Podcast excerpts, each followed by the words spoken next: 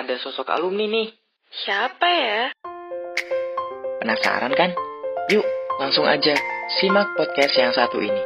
Hear it out.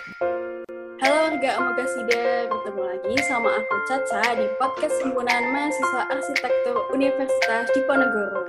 Halo semuanya, kenalin nama aku Putri Amalia Sari. Kalian bisa panggil aku Putri dan aku dari Arsitektur Unip angkatan 2020. Oke, salam kenal Putri. Nah, di podcast kali ini kita bakal ngomongin apa aja sih Put? Nah, di podcast kali ini uh, agak sedikit berbeda nih, karena kita akan ngomongin tentang dunia kerja, di mana um, kakak alumni yang kita interview pada kali ini tuh merupakan seorang penulis. Nah, menarik banget kan? Kira-kira apa ya hubungannya sama arsitektur? Yuk, langsung aja kita panggil Kak Kabila. Halo, Halo, Kak semuanya. Kabila. Halo Kak, halo halo. Pasti masih banyak kan yang belum kenal sama Kak Kabila. Mungkin boleh kali ya Kak, Kak Kabila perkenalkan diri dulu dari mana dan dari angkatan berapa di arsitektur. Silakan Kak.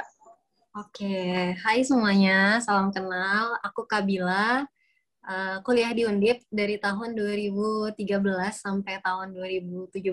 Berarti udah lima tahun lalu aku lulus dari kampus tercinta, jurusan arsitektur juga. Uh, terus kalau dibilang tadi aku penulis ya, sebenarnya disclaimer nih, dulu aku pernah bekerja sebagai penulis arsitektur, tapi sekarang aku uh, udah bekerja, udah menjalani profesi lain, udah mengabdi buat Jakarta, alias jadi PNS gitu. Jadi uh, hari ini bilangnya apa ya? ya enggak apa namanya jangan sebagai penulis kali ya. Aku sharing pengalaman aja gitu ya. Oke deh kak, uh, langsung aja ya kak kita ke pertanyaan yang pertama. Um, mungkin masih berhubungan dengan um, kerjaan kakak yang dulu kali ya kak, jadi penulis. Nah itu gimana sih kak uh, awal mula kakak bisa menjadi penulis? Uh, boleh ceritain nggak kak pengalaman kakak? Oke, jadi uh, awal mulanya aku jadi penulis, memilih buat jadi penulis gitu ya. Uh, sebenarnya dulu tuh aku punya uh, ketertarikan di dua hal uh, dari sejak kuliah ya. Yang pertama, aku tuh tertarik sama dunia jurnalisme atau jurnalistik. Jadi aku emang suka sama dunia tulis menulis itu sejak aku kecil sih. Mulai ditekunin itu sejak SMP. SMP aku mulai ikut uh, apa namanya sarana-sarana yang bisa buat menyalurkan minatku lah gitu. Dulu kan SMP adanya mading gitu ya. Terus habis itu masuk SMA uh, ada majalah sekolah. Aku ikut di situ, join tim redaksinya terus bikin majalah. Habis itu aku sempat gabung di Republika Online. Uh, itu waktu SMA juga. Terus habis itu masuk kampus. Nah, di kampus aku join apa namanya pers mahasiswa. Jadi yang pertama aku join itu ada namanya pers mahasiswa teknik namanya Momentum.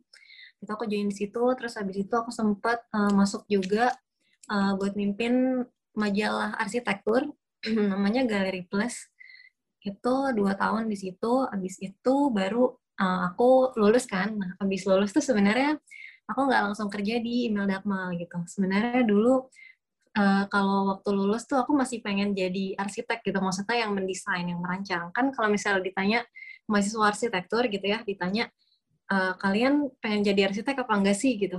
Pasti kan jawabannya pengen ya gitu.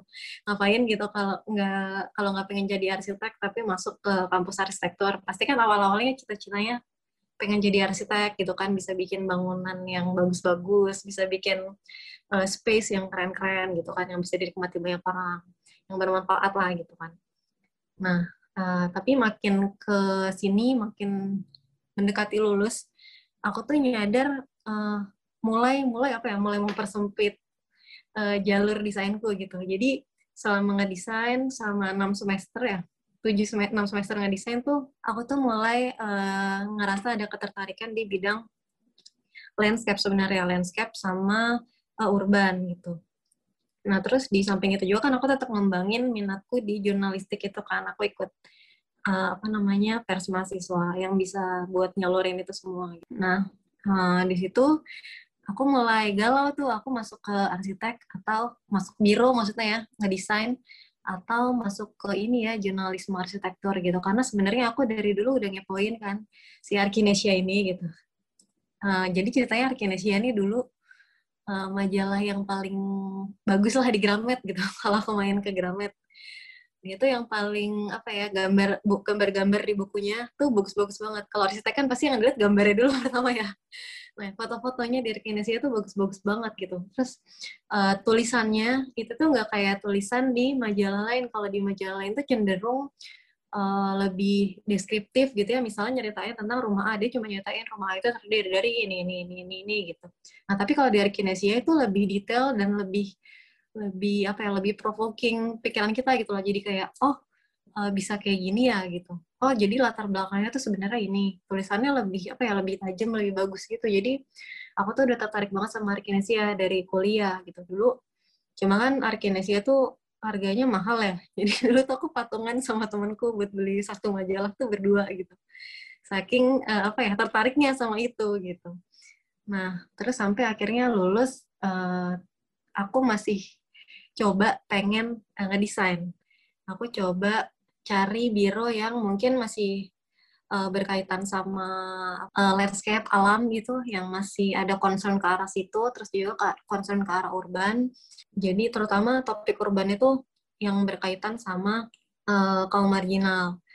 Sebenarnya itu awalnya tuh latar belakangnya karena uh, waktu aku SMP, kalau teman-teman ada yang tinggal di Jakarta, tahu ini nggak Jalan Raya Bogor, itu tuh aku tuh selalu lewat situ setiap hari. Uh, jadi setiap pagi. Nah, Jalan Raya Bogor itu sampingnya itu ada kali besar banget. Terus di seberangnya lagi itu tuh ada rumah-rumah non permanen. Itu banyak banget rumahnya. Jadi kayak uh, kalau teman-teman bayangin tuh banyak rumah yang apa ya uh, bisa dibilang kumuh lah gitu ya uh, bahan-bahannya dari bahan-bahan permanen. Terus juga mereka tuh berdiri di atas kali mereka bukan berdiri di tepi kali tapi mereka di atas kali. Jadi kalau ini uh, dinding kalinya mereka tuh berdiri di sini gitu. Di atas kalinya persis. Nah mereka tuh bikin uh, apa namanya pondasi mancang di dinding-dinding itu gitu. Itu kan sebenarnya serem banget ya. Tapi mereka kok bisa gitu ya? Kreatif banget gitu. Mereka uh, mensiasati space yang sempit itu sampai bisa mereka manfaatkan segitunya gitu. Tapi tetap aja kan dalam hati kasihan banget gitu kok bisa ada orang yang tinggal di tempat kayak gitu? Dan di sepanjang jalan itu itu kan kebetulan deket pasar pasar induk kayak jadi kayak banyak homeless gitu suka lihat homeless di jalan. Jadi kayak apa ya kasihan lah. Sebenarnya mungkin lebih berangkat dari rasa itu terus habis itu uh, aku tuh pengen apa ya sebenarnya arsitek tuh bisa nggak sih berbuat sesuatu gitu kan? Karena kan waktu itu aku lagi kuliah uh, pas kuliah arsitek aku kepikiran itu gitu. Bisa nggak sih kita tuh berbuat sesuatu Nah, akhirnya aku coba cari uh, tempat yang mungkin uh, bisa ngebahas itu gitu. Uh, masuklah aku ke Biro Arsitektur namanya Akanoma. Kalau teman-teman tahu, prinsipal arsiteknya itu Yosing namanya. Di Bandung lokasinya di Cimahi. Nah, di situ aku magang sih. Uh, waktu itu kan coba apply sebenarnya. Terus belum dapat, akhirnya aku apply lagi buat magang karena saking pengennya aku masuk gitu. Nah, akhirnya aku berhasil masuk di situ magang selama beberapa bulan. Nah, di situ sebenarnya aku tuh posisinya udah apply buat uh, email Akmal juga. Oh ya, teman-teman. Jadi, tadi kan dibilangnya Arkinesia, Arkinesia terus ya. Nah, Arkinesia itu sebenarnya dia nama produknya. Produknya tuh namanya Arkinesia Bugazine. Tuh, nah, uh, tempat aku bekerja yang memproduksi Arkinesia Bugazine itu namanya Imelda Akmal Architectural Writer itu kalau disingkat biasanya IAW. Nah, uh, aku udah apply di IAW Studio waktu itu sebenarnya. Cuma waktu itu kuotanya lagi uh, penuh. Jadi mereka itu sistem sistemnya harus magang dulu dan dikuotakan gitu, dibatasin magangnya. Nah, karena itu masih penuh, ya udah akhirnya aku apply lah ke Akanoma itu gitu. Terus pas aku udah di Akanoma, mereka uh, confirm ke aku udah ada lagi nih gitu. Saya kira aku uh, setelah selesai magang di Akanoma, baru aku masuk ke uh, email Dakmal itu gitu. Nah, sebelum aku mantepin diri nih buat masuk ke email Dakmal itu, soalnya kan aku ngerasa kayak ini sebenarnya dream job aku gitu. Tapi kalau misalnya aku masuk ke situ, kayaknya aku bakal meninggalkan dunia desain gitu kan. Karena aku pengen serius di situ gitu. Saya kira aku uh, cobalah set uh, gimana caranya biar uh, main concern aku soal urban tadi itu masih bisa di apa ya masih bisa dikejar lewat jalur itu gitu. Nah akhirnya aku ya udah aku set goal sendiri gitu. Oke aku bakal belajar di sini uh, mungkin 3 sampai lima tahun gitu. Kalau misalnya udah aku pengen bikin uh, media sendiri gitu. Sebenarnya tujuanku pengen bikin media sendiri buat menyuarakan yang tadi, yang soal uh, menurutku arsitek itu tuh banyak hal-hal uh, yang bisa mereka kerjain yang lebih urgent gitu loh dibanding uh, bikin bangunan-bangunan yang megah dibanding bikin banyak bangunan-bangunan yang bagus banget gitu. Padahal di luar sana tuh banyak orang yang belum punya rumah gitu loh. Bahkan mereka belum punya tempat tinggal yang layak. Gitu. Nah, akhirnya oke okay, aku mantep lah masuk sini gitu. Ya udah, masuklah aku ke email datang. Gitu ceritanya. Panjang ya. Gak apa Kak. Keren banget, keren banget soal uh, motivasi Kakak untuk jadi penulis. Uh, mungkin kita langsung ke pertanyaan selanjutnya uh, aku mau nanya, apa aja sih Kak uh, persyaratan untuk masuk ke Arsinesia? Itu tuh butuh pengalaman di bidang menulis gitu atau gimana Kak? Uh, pengalaman di bidang menulis butuh sih. Jadi waktu aku masuk ke Arsinesia itu dulu uh, pertama tahapannya seleksi magang dulu ya. Jadi nanti setelah magang, kalau bisa melewati masa magang, baru akan dievaluasi. Kemudian uh, kalau misalnya ada lowongan, bisa langsung masuk ke situ gitu. Nah, awal-awal daftar magang itu syaratnya uh, eh, CV, terus uh, portofolio tulisan. Jadi itu sih pengalaman pengalaman nulisnya itu sih di portofolio tulisan itu gitu. Tapi kalau misalnya teman-teman belum punya portofolio tulisan juga coba aja. Tapi pengen gitu ya nyobain uh, gimana sih dunia jurnalistik gitu kan. Terutama jurnalisme arsitektur, coba aja apply, uh, terus coba uh, komunikasi sama orangnya gitu di sana. Kalau misalnya belum punya portofolio gimana gitu. Terus apa sebagai gantinya apa gitu. Karena mereka juga buka suka buka buat kadang tuh fotografer atau graphic designer gitu. Tapi untuk magang ya. Ntar dari situ juga uh, kalau misalnya masuk teman-teman bisa juga belajar kok semuanya gitu. Tetap bisa belajar nulis, tetap bisa belajar semuanya, belajar fotografi, belajar desain buku sedikit-sedikit kayak gitu karena nanti uh, setelah masuk ke studio semua tuh jadi satu tim dan bakal kerja bareng-bareng semua. Wah keren banget kak. Nah selanjutnya nih kak, kakak kan udah kerja di um, di email di arsitektur arsitektur itu ya kak. Itu selama hmm. kurang lebih berapa tahun ya kak? Itu aku hampir dua tahun sih. Nah oke okay. selama dua tahun itu Uh, bisa diceritain nggak sih kak pengalaman kakak selama bekerja di sana? Um, gimana gambarannya menjadi seorang penulis di bidang arsitektur? Wow, gimana ya? Seru banget sih yang jelas. Karena mungkin pertama aku emang passion kali ya, emang senang di bidang itu gitu. Jadi selama jadi penulis khususnya di bidang arsitektur tuh aku menikmati banget gitu. Di situ tuh proses apa ya selama kerja di sana, aku tuh rasanya kayak uh, dapat pertama aku tuh dikasih waktu untuk membaca dan menulis. Alias belajar ya. Dan aku dibayar gitu loh. Kebetulan aku kan suka baca juga jadi kayak pas aku baca tuh gimana ya kita kan kadang kalau baca tuh nyempet nyempetin aja ya sama di sela di sela-sela kegiatan sehari-hari kita kan. Kayak misalnya kalau kuliah ya baca pas malam gitu atau uh, lagi di jalan gitu kan. Kalau lagi kerja lagi di jalan bacanya. Nah ini tuh waktu jadi penulis aku dikasih waktu untuk baca untuk fokus baca gitu. Terus aku dikasih waktu untuk nulis dan aku dibayar. Mungkin karena aku passion kali jadi tuh seneng banget waktu ngelakuin itu gitu. Terus juga uh, positifnya menurutku dengan kita sering-sering nulis itu tuh jadi ngebantu kita buat apa ya uh, merapikan pikiran kita gitu buat menstrukturkan lagi cara cara pikir kita kayak gimana. Terus juga ngebuka banyak sudut pandang karena sering baca juga kan gitu. Terus juga uh, yang menarik banget buat aku sih ketemu banyak arsitek yang apa ya karya-karyanya tentunya bagus-bagus gitu kan. Jadi selama ketemu arsitek itu sebenarnya poinnya bukan ketemunya ya kayak bukan kayak ketemu artis gitu karena ketika ketemu arsitek dan sebagai penulis kita bisa uh, tanya kita bisa gali sebanyak-banyak gitu loh. Dan mereka tuh cenderung open jadinya begitu tahu kita uh, penulis gitu atau jurnalis. Jadi mereka mungkin uh, mungkin ya ada beberapa proyeknya akan dipublish juga gitu. Dan mereka juga bisa share banyak hal dari proyeknya itu gitu. Kita pun jadi belajar banyak hal dari situ gitu kan. Walaupun nggak ngedesain ya tapi kita jadi tahu oh ini tuh kayak gini ini tuh kayak gini. Gitu terus jadi tahu hal-hal uh, yang nggak kelihatan di bangunan itu gitu kayak uh, misalnya nih kan misal contoh ya ada satu restoran gitu entrance-nya main entrance-nya gerbangnya tuh mereka bikin art kayak lengkung lengkungan gitu kan setengah oval gitu Nah, kalau kita ketemu sama arsiteknya, kita bisa tanya, eh kenapa sih mas itu kayak gitu gitu? Bentuknya apa sih alasannya gitu? Kira-kira itu kurang tinggi apa enggak kalau tingginya segitu gitu. Sebenarnya kemarin filosofinya apa di balik itu gitu.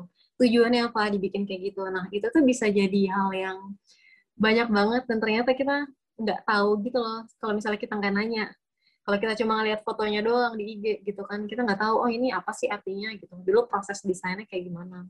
Nah ketika ketemu dan menuliskan itu lagi kita bisa jadi lebih paham gitu. Jadi kayak belajar rasanya tuh kayak belajar setiap hari. Aku banget kurang lebih kayak gitu sih Oke, keren banget Kak kerjaan sebagai penulis arsitektur. Kayak nggak nyangka gitu kalau ternyata arsitek tuh, uh, penulis arsitektur tuh bisa se-explore itu dalam pekerjaannya. Uh, kalau boleh tahu, berarti Kak Kabila tuh wawancara orang gitu ya, Kak?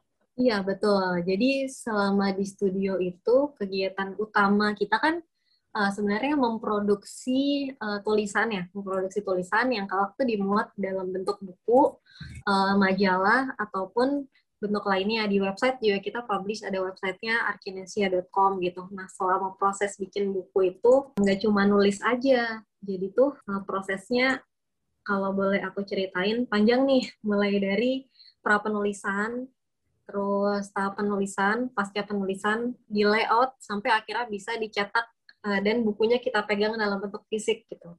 Nah, kalau boleh aku ceritain prosesnya itu dari tahap pra penulisan itu ada uh, yang namanya brainstorming. Jadi ini kita ngumpul nih satu studio bahas nih kita mau bikin buku apa, topiknya apa gitu. Kenapa kita bikin buku itu? Calon pembacanya siapa gitu. Nanti mau dibikin buku yang konsepnya kayak gimana gitu. Uh, serius kah atau santai kah gitu atau buku ini pengen jadi buku yang isinya kritik atau kumpulan karya aja, nah itu dibahas di brainstorming ini. Jadi intinya mengkonsep buku itu gitu. Terus habis itu kita bikin frameworkingnya, cara kerjanya gimana gitu nanti. Uh, bagi-bagi tim juga di tahap awal. Nah, terus habis itu baru masuk tahap penulisan. Tahap penulisan ini kita nggak langsung nulis gitu kan, nggak langsung ngarang uh, rumah A. Rumah A adalah ini, ini, ini gitu. Nggak, kita cari dulu nih data tentang kan kita udah tahu ya tadi di pertama misalnya diputuskan aku mau nulis buku uh, kita mau bikin buku tentang arsitektur tropis gitu. Nah kita harus cari dulu kan arsitektur tropis itu apa sih sebenarnya? Gitu. Teori-teorinya ada apa enggak gitu. Terus contoh contoh karyanya ada apa enggak di Indonesia. Nah itu kita riset dulu kita uh, bikin kita ngumpulin dulu tuh datanya data gathering dulu terus habis itu uh, kalau misalnya perlu kita wawancara ke narasumber-narasumber yang bisa mendukung eh, data-data buat buku itu tadi gitu. Tokoh yang yang bikin uh, bangunan yang masuk kategorinya itu arsitektur tropis gitu ya. Nah kita wawancara di tahap-tahap itu gitu.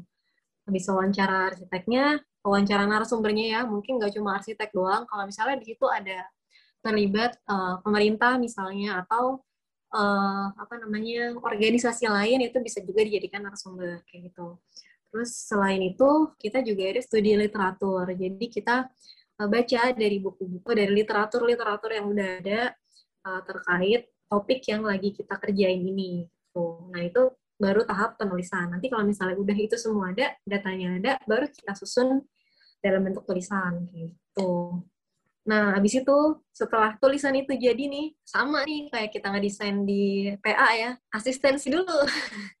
jadi nggak langsung di ACC itu tulisan, jadi asistensi dulu uh, sama editor namanya.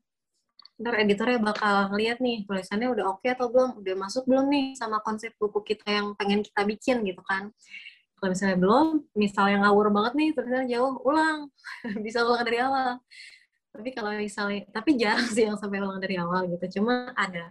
Edit itu selain edit konten juga edit ini ya edit tata bahasa uh, tata tulisan kayak gitu. Terus habis itu uh, biasanya karena Arkinesia nih uh, di pasarnya itu ke luar negeri juga ke Asia Tenggara se Asia Tenggara. Jadi biasanya buku-bukunya itu bilingual atau berbahasa Inggris. Nah setelah kita tulis itu lewatin proses translate dulu itu nah habis di translate terus habis itu sambil berjalan ada yang namanya graphic designer itu mereka ngedesain layout bukunya gimana caranya biar tulisan-tulisan yang udah dibikin tadi itu nyaman dibaca dalam bentuk fisik buku gitu. Nah, itu tugasnya mereka nyaman dibaca, terus bagus dan menarik juga kan buat dilihat. Jadi orang pas uh, ngelihat di apa tuh namanya di toko buku gitu kan, eh apa tuh gitu. Jadi pengen lihat, jadi pengen baca kayak gitu. Itu tugasnya uh, graphic designer di situ. Terus masukin foto, milihin foto gitu. Itu juga graphic designer. Nah, terus uh, abis itu baru deh masuk ke tahap uh, pracetak dan cetak. Pracetak itu ada yang namanya uh, proofreading kalau teman-teman pernah dengar. Jadi kita ngebaca lagi tulisan yang udah dimasukin dalam layout nih. Kita lihat, kita bacain tuh satu-satu.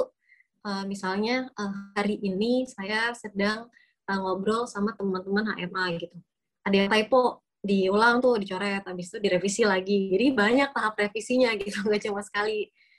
Nah, buat sampai akhirnya uh, dokumen itu siap dicetak akhirnya dalam bentuk buku kurang lebih gitu prosesnya panjang banget ya gitu tapi kalau dirangkum nih kalau misalnya teman-teman tiba-tiba datang ke studio IAAW gitu ya siang-siang datang paling nemuin kita tuh kegiatannya lagi kalau nggak diskusi lagi baca lagi nulis lagi googling lagi kepo-kepo gitu. Apalagi udah sih paling kegiatan itu. Atau kita berarti lagi keluar lagi wawancara gitu atau ngeliput event oh ya selain produksi buku uh, di IAAW Studio juga uh, publish tulisan di website ya arkinesia.com terus juga bikin kita suka bikin event-event arsitektur biasanya talk show bentuknya itu kita bareng sama Imaji Imaji kalau teman-teman pernah dengar itu publisher buku uh, yang fokus di bidang arsitektur, desain, interior, atau seni. Keren banget Kak, kalau didengar-dengar uh, asik banget ya Kak kerjanya. Iya, boleh dicoba. Ada nggak sih Kak interview paling membekas gitu Kak, yang ilmunya tuh benar-benar buat Kakak kayak, um, wah keren banget nih gitu. Um, interview paling membekas apa ya? Ada satu momen yang jadi penyemangat aku untuk tetap nulis sih sebenarnya waktu itu. Tapi itu bukan interview, jadi di luar interview ya. Uh, waktu itu aku lagi ditugasin buat liputan uh, salah satu event arsitektur namanya Rabun Senja. Itu pembicaranya Pak Ahmad Tardiana atau uh, kita sering dengar namanya Pak Apep. Beliau tuh arsitek yang cukup ternama, uh, akademisi juga, terus beliau juga uh, menerbitkan tulisan-tulisan gitu. Nah, uh, karena aku ngefans sama beliau, uh, aku minta foto, minta foto bareng gitu. Biasanya tuh nggak pernah habis liputan tuh minta foto bareng karena ini karena ngefans terus habis itu kan uh, beliau domisilinya di Bandung ya jarang-jarang gitu ketemu bisa ketemu di Jakarta dan waktu itu suasananya lagi agak santai. Nah, aku minta foto lah. Terus uh, waktu minta foto itu tuh aku kan udah copot identitas lah ya, jangan sampai sebagai wartawan gitu kan orang-orang banget ya udah aku udah coba identitas terus minta foto boleh nggak pak foto? Gitu saya ngapain sama bapak. Terus uh, beliau bilang boleh aja gitu. Terus ditanya habis foto kamu kuliah di mana? Gitu. Aku bilang lah saya udah kerja pak gitu. Ditanya lagi sama beliau kamu kerja di mana? Oh, ya udah deh kira jawab terpaksa kan. Oh saya saya kerja di email Dakmal pak gitu di Arkinesia terus uh, beliau bilang oh berarti nulis ya gitu. Kamu lulusan arsitektur nanya gitu terus aku tuh langsung malu gitu ditanya sama gitu sama arsitek kan. Kayak aku langsung bilang iya nih pak gitu. Saya lulusan arsitektur tapi nulis murtad saya pak gitu. Bukan yang desain malah nulis nih pak gitu. Semoga nanti bisa ada kesempatan jadi arsitek juga ya pak. Aku bilang gitulah gitu. Terus jawaban beliau tuh bikin aku agak kaget gitu. Beliau tuh bilang kenapa gitu? gitu. Nggak kayak gitu. Uh, malah kamu harus terus tekunin bidang ini gitu. Bidang tulis bidang tulis menulis ini. Dia bilang tuh arsitektur itu tuh pelakunya banyak. Uh, ada yang merancang ada yang mendidik maksudnya akademisi gitu ya. Terus ada yang mengkritisi dan ada yang mempublikasikan. Dan masih banyak lagi eh, bidang-bidang yang gak beliau sebutkan gitu maksudnya. Terus dia tuh bilang semuanya tuh sama-sama penting. Nah jadi kamu harus terus semangat nekunin bidang kamu yang lagi kamu kerjain itu dia tuh bilang kayak gitu. Nah habis itu aku jadi kayak benar juga ya gitu. Mungkin waktu itu yang ngomong beliau juga gitu. Jadi aku ngerasa oh iya juga ya gitu. Ini arsitek aja yang ngomong kayak gini gitu. Mungkin emang harus ada yang menekuni bidang ini gitu sih. Itu cukup berkesan sih buat aku waktu itu. Kalau ditanya selama interview apa ya banyak banget sih soalnya yang di interview tuh pasti setiap interview tuh pasti langsung uh, dapat ilmu-ilmu baru. Jadi aku rasanya tuh selalu excited setiap interview gitu. Agak susah kalau harus ingat mana yang mana yang apa yang berkesan gitu. Karena semuanya berkesan. Oke deh kak. Nah selanjutnya nih ada pertanyaan kak. Um, apa sih kak suka dukanya kerja sebagai penulis arsitektur. Yang jelas tadi kan udah mungkin kebanyakan supaya udah kakak jelasin ya. Mungkin dukanya nggak apa-apa kak. Gimana kak? Kebanyakan sukanya tadi ya. ya karena mungkin karena aku ini juga ya apa namanya emang kebetulan minatku di situ gitu. Jadi sepanjang tugas itu rasanya menyenangkan banget. Cuma kalau ngomongin dukanya, bukan duka kali ya apa ya hal-hal yang kadang tuh bikin uh, miris gitu ya. Selama aku kerja tuh jadi se kan Arkenesia itu banyak memuat karya-karya se Southeast Asia ya Asia Tenggara kan. Nah karya Indonesia itu sebenarnya banyak juga berusaha kita muat. Cuma nih sayangnya banyak uh, arsitek-arsitek itu belum mendokumentasikan karyanya nih bangunannya misalnya ya uh, dengan baik gitu. Maksudnya belum mendokumentasikan dengan baik tuh uh, dalam bentuk foto ya. Jadi kalau misalnya mau dipublish di dalam majalah, terutama biasanya terutama Arkinesia ya. Arkinesia kan uh, bukunya besar gitu ya bentuknya kalau teman-teman pernah lihat itu kan kadang ada satu halaman, satu page yang itu isinya foto doang gitu. Nah, itu tuh uh, setiap foto yang mau dimasukin ke dalam majalah Arkinesia itu tuh harus uh, ukurannya itu high resolution. Nggak bisa pakai yang low res aja gitu. Nah sedangkan nih uh, arsitek Indonesia kadang tuh ya mereka tuh submit karya gitu kan. Kan kita seleksi karena open selection juga kan. Kita invite semua arsitek mereka kirim. Nah kita seleksi di situ tuh kadang banyak karya yang menarik.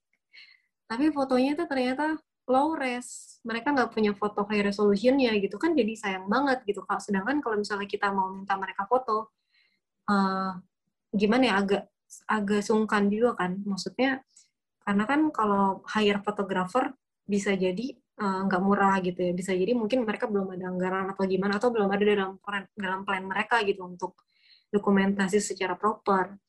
Jadinya kayak sayang gitu loh kadang terseleksi karena hal-hal teknis yang kayak gitu gitu. Padahal aslinya karyanya bagus. Karena kan kalau misalnya sebuah karya itu dimuat dalam publikasi majalah ya apalagi yang dicetak gitu kan. Kan uh, berarti dia tuh udah melewati seleksi yang apa ya seleksi yang cukup proper dibanding karya-karya lainnya.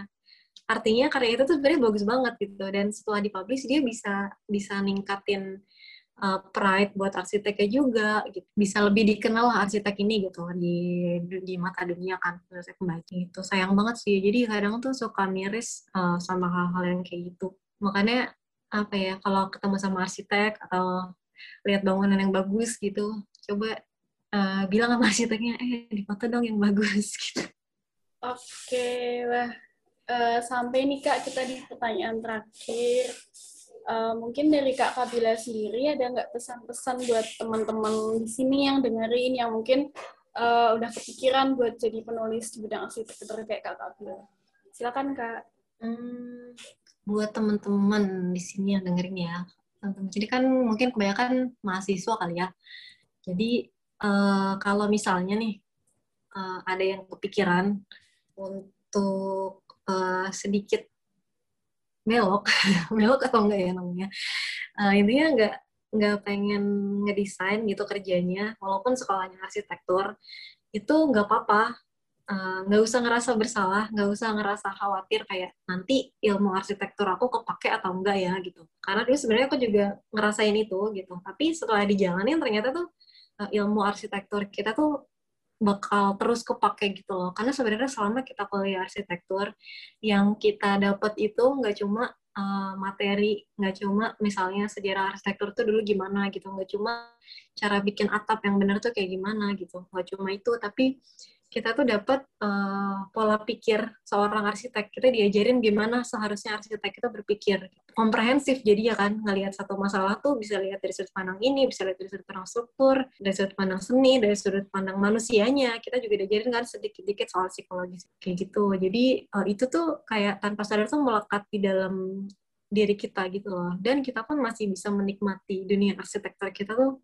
via apa aja. Karena sekarang media kan banyak banget uh, tetap sering-sering aja update-update soal arsitektur gitu, baca-baca buku karena sebenarnya apa ya nulis itu tuh uh, siapa pun tuh bisa nulis sebenarnya. Cuma penulis itu dia tuh berfokus buat bikin sebuah tulisan yang mudah dimengerti, yang mudah dinikmati sama orang kayak gitu. Sama kayak nyanyi kan. Sebenarnya semua orang bisa nyanyi. Cuma uh, seorang penyanyi mereka kan pasti uh, berlatih kan mereka latihan terus mereka uh, ngeluangin waktu ngeluangin tenaga buat itu sampai mereka bisa bernyanyi dengan benar dengan indah gitu ya dan biar suaranya tuh bisa dinikmati semua orang. Jadi jangan ragu sih kalau misalnya dari awal nih misalnya sejak kuliah udah ada rasa-rasa kayaknya nggak pengen ngedesain deh gitu. Mungkin setelah kerja praktek nanti ya biasanya tuh muncul kayaknya nggak pengen kerja kayak gini gitu kayaknya nggak pengen masuk uh, biro arsitektur, kayaknya nggak pengen masuk developer, kayaknya nggak pengen masuk ke kontraktor, kayaknya eh, nggak uh, pengen jadi dosen arsitektur juga gitu. Uh, banyak bidang-bidang lain gitu yang masih di dalam dunia arsitektur. Salah satunya yang tadi aku ceritain soal jurnalisme arsitektur itu cuma salah satu. Masih banyak lagi yang lain. Gitu sih. Jadi semangat uh, tetap coba jangan takut gitu, jangan takut masih muda. karir perjalanan arsitek tuh panjang banget gitu. Jadi uh, jangan takut buat nyoba sih menurutku gitu. Karena kayaknya ya kalau aku perhatiin uh, teman-temanku dulu tuh waktu awal-awal lulus tuh banyak yang bingung atau ragu gitu ya kayak mau apply ke mana nih mau apply kerja ke mana tuh bingung nyari lowongan gitu. Uh, sedangkan aku tuh nyari lowongan gak ada ya udah akhirnya aku cari aku apply sendiri gitu walaupun di situ nggak ada lowongan. Jadi aku apply apply aja karena ketanya aku kejar-kejar tuh uh, kalau misalnya mau di, kerja di sini gimana caranya? Gitu. Atau kalau misalnya mau di tetap di desainnya biasanya tuh mereka ada jalur magang. Bisa nggak aku magang dulu? Gitu. Nah, ntar biasanya tuh kalau bisa melihat kerja kita bagus misalnya mereka cocok juga desainnya biasanya bisa langsung lanjut. Kayak gitu. Jadi coba intinya itu sih. Coba tetap semangat uh, find your calling yang paling penting. Kayak tadi kalau Pak Pep bilang uh, banyak ya unsurnya dunia arsitektur itu nggak cuma yang merancang aja, ada akademisi juga, ada yang mengkritisi, ada yang mempublikasi dan banyak yang lainnya. Cara tahunya itu dari uh, find your calling. Jadi kayak panggilan jiwa kita sebenarnya apa sih gitu. Kalau aku mungkin kayak aku ceritain di awal tadi gitu, aku pertama emang tertarik sama jurnalistik, sama yang kedua aku punya concern di uh, bidang urban terutama tentang yang tadi ya kelompok marginal itu gitu. Jadi aku tetap aku cari uh, informasi tentang itu gitu. Aku tetap aku uh, berusaha lah gitu. Kayaknya itu deh sampai akhirnya aku yakin kayaknya aku harus uh, menuju ke situ deh jalannya gitu. Calling. Itu butuh proses sih. Tapi jangan capek buat nyoba semangat berani coba aja Oke, keren banget Kak. Nah, jadi gitu teman-teman, kalau buat kalian yang nggak mau jadi arsitek atau mau nggak mau jadi uh, masuk biro arsitektur, mungkin bisa nih dicoba salah satunya jadi penulis atau jadi pelaku-pelaku yang lain. Mungkin dari teman-teman magang di sini ada pertanyaan mungkin ke Kak Kabila. Oh ya, Cak, aku mau nambahin dikit boleh nggak? Oh, boleh Kak. Jadi tuh um, kalau di bidang kepenulisannya itu tuh nggak cuma uh, bikin tulisan aja gitu. Ada ada uh, kantor yang mereka tuh riset bidangnya. Jadi mereka tuh ngumpulin data. Tadi kan salah satu proses menulis itu kan ngumpulin data ya. Nah, ada uh, kantor yang mereka tuh kerjanya ngumpulin data-data tentang arsitektur di lingkupnya apa kurang uh, persisnya aku kurang tahu. Cuma mereka tuh kerjanya ngumpulin data gitu. Nanti data-data itu tuh bakal dipakai gitu loh dan data itu yang mereka istilahnya apa ya jual. Walaupun bukan dijual langsung kayak kebocoran data gitu bukan ya. Tapi maksudnya kayak data-data itulah yang bernilai gitu yang mereka pakai. Dan akhirnya uh, jadi apa namanya main course-nya mereka tuh itu. Jadi kalau misalnya nggak rasa kayak kayaknya nulis capek gitu capek deh gitu. Tapi aku tuh suka kepo-kepo gitu. Aku suka uh, nyapuin apa tuh aku expert nih gitu. Coba ada apa namanya gitu. Banyak uh, angkatan aku ada beberapa juga uh, kerja tuh di BCI Asia BCI Asia. Itu ada bagian itunya gitu. Itu menarik juga sih. Aku sempat pengen coba juga sih. Tapi udah keburu disuruh mengabdi. Kak mau tanya dong kak. Boleh oh, Anam. Tadi kan kakak uh, ngomong tentang panggilan jiwa gitu ya kak. Nah itu sebenarnya panggilan jiwa itu idealnya datang sendiri atau kita yang nyari kak panggilan jiwa Aduh, aku nggak tahu ya itu sebenarnya bahasa yang tepat atau enggak. Cuma uh, kalau ditanya datang sendiri atau kita yang cari, aku tuh selalu uh, percaya sama prinsipnya berusaha sih.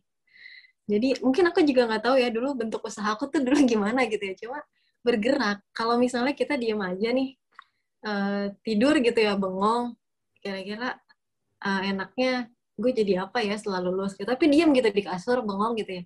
Nggak melakukan apa-apa gitu. Mungkin kepikiran sih kayak oh ya, mungkin jadi stack enak. Mungkin jadi apa namanya kerja di kontraktor enak. Mungkin kerja di ini enak kerja di ini enak gitu. Tapi kita nggak nggak benar-benar tahu cari tahu gitu. Kalau mungkin aku bisa jawab lebih cenderung dicari kali ya.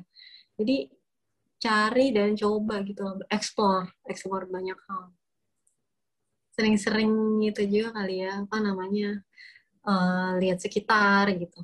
Kadang tuh um, kalau aku perhatiin ya arsitek-arsitek yang keren-keren gitu mereka tuh pemikir. Yang keren-keren tuh maksudnya kalau keren-keren menurutku tuh karya-karyanya tuh kayak apa ya nggak cuma sekedar indah doang gitu loh. Pas pas kita ngelihat karyanya tuh bisa kayak oh my god dia tuh bikin ini karena ini gitu ada alasannya karyanya terus juga uh, mereka tuh kritis biasanya. Jadi mereka tuh cenderung orang-orang yang pemikir, banyak baca itu biasanya. Nah, itu tuh orang-orang kayak gitu tuh biasanya mereka ngeliatin, merhatiin gitu loh. Orang-orang yang aware sama sekitarnya biasanya kayak gitu sih. Jadi coba coba aja perhatiin gimana ya merhatiin sekitar tuh. Mungkin kayak misalnya pas kamu jalan-jalan uh, lihat ada apa sih sebenarnya fenomena yang lagi terjadi di sekitar kita gitu. Uh, apa sih yang bisa aku lakukan di situ gitu? Ada nggak sih sesuatu yang bisa uh, membawa manfaat dari apa yang aku lakukan gitu? Dari dulu tuh aku juga selalu ini sih kepikiran eh, selalu berpegang sama eh, cita-cita uh, kecil selama aku hidup. Kalau bisa aku tuh pengen jadi orang yang bermanfaat gitu. Karena kalau dalam Islam tuh uh, disebutkan orang yang paling baik manusia yang paling baik manusianya gitu. Itu tuh orang yang bermanfaat buat orang lain gitu orang yang bermanfaat buat sekitarnya. Jadi aku tuh apa ya gitu yang bisa uh, aku lakukan gitu di kondisi ini. Gitu sih mungkin coba dari situ bisa gitu. Atau banyak juga sih sebenarnya konsep-konsep buat mencari apa ya panggilan jiwa buat mencari jati diri gitu ya. Kayak uh, ikigai. Mungkin teman-teman pernah dengar ikigai dari Jepang itu lagi ya? Banyak sih buku-buku tentang itu juga. Gitu sih. Yang jelas explore uh, banyak hal cobain. Kalau nggak tahu cari. Kalau nggak tahu tanya gitu. Jangan takut buat nyoba. Oke, makasih Kak. Makasih juga Ana buat pertanyaannya. Mungkin dari teman-teman yang lain ada pertanyaan? Uh, jadi kan kalau yang dari aku dengar dari cerita kakak tuh bisa dibilang kak, kak Gila ini mengikuti ber, beberapa organisasi gitu kan. Nah, hmm. yang aku akan aku juga sering dengar tuh cerita-cerita orang lain juga kalau sebenarnya organisasi itu kayak sedikit banget pengalaman organisasi itu kayak sedikit banget gitu bakal terpakai di dunia pekerjaan nanti gitu. Nah, sebenarnya uh, di menurut pendapat kakak itu tuh kayak fakta atau hanya mitos belaka gitu. Terima kasih. Fakta atau mitos ya? Um, sebetulnya bisa fakta bisa mitos. Sebenarnya apa ya? Kalau aku tuh menyikapi ngelihat ngelihat hal, hal yang kayak gitu tuh tergantung orangnya jawabannya. Karena jawabannya gitu banget ya tergantung orangnya nggak menjawab gitu ya.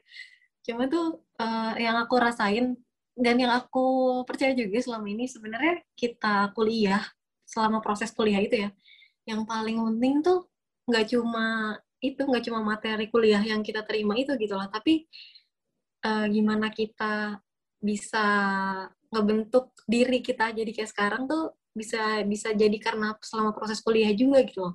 Kita berinteraksi sama orang kalau berorganisasi itu kan kita kan biasanya ngerjain project sesuatu ya. Nah, selama ngerjain project itu kan kita uh, teamwork biasanya, nggak kerja sendiri kan. Nah, di teamwork itu tuh kepake banget di dunia kerja. Aku ngerasain itu kepake banget sih, teamwork itu kepake banget. Jadi kayak makin banyak kita berorganisasi, kita makin banyak ketemu sama orang, makin tahu juga kan, oh manusia tuh ada yang jenisnya begini gitu, manusia tuh ada yang sifatnya begini gitu. Terus kayak kalau ngadepin orang kayak gini, uh, harus kayak gimana gitu. Sebenarnya itu ke sana sepele banget kan dan gak ada hubungannya gitu ya. Kayak kalau misalnya kita daftar organisasi kan biasanya uh, ini ya kayak saya akan uh, berusaha sekuat tenaga buat berbakti di organisasi ini gitu kan. Waktu daftar kan kayak gitu gitu ya. Tapi sebenarnya tuh pelaksanaan tuh kita nggak cuma doing something for them gitu loh, tapi kita getting something juga dari situ gitu. Kita dapat banyak pelajaran juga dari situ. Kayak gitu sih yang yang paling kerasa nyata itu sih eh, interaksi sama orang. Karena aku lihat juga banyak orang yang nggak nggak apa ya ber, berinteraksi sama orang lain tuh kayak susah memposisikan diri tuh banyak juga gitu loh.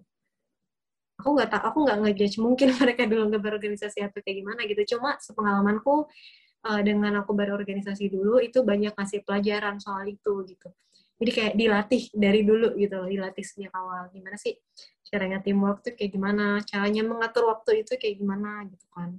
Oke okay. bagus banget nih pesan-pesannya. Tuh ya teman-teman.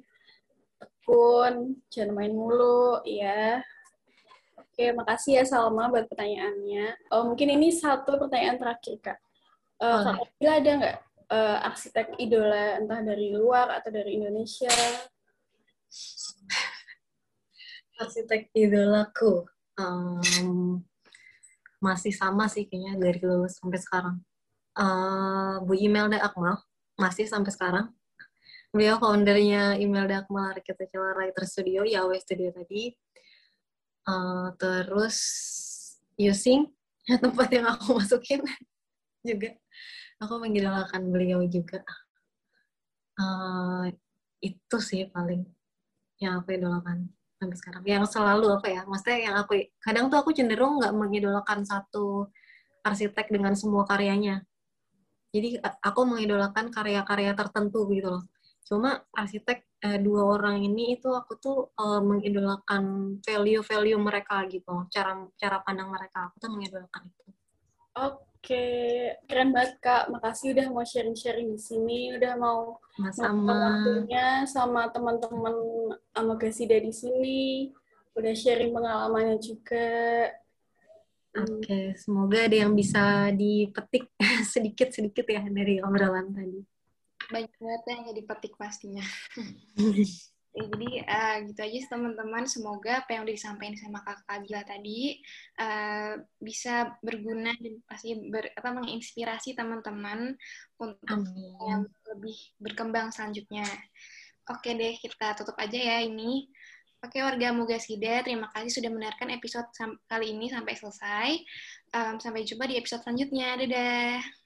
Dadah. Dadah.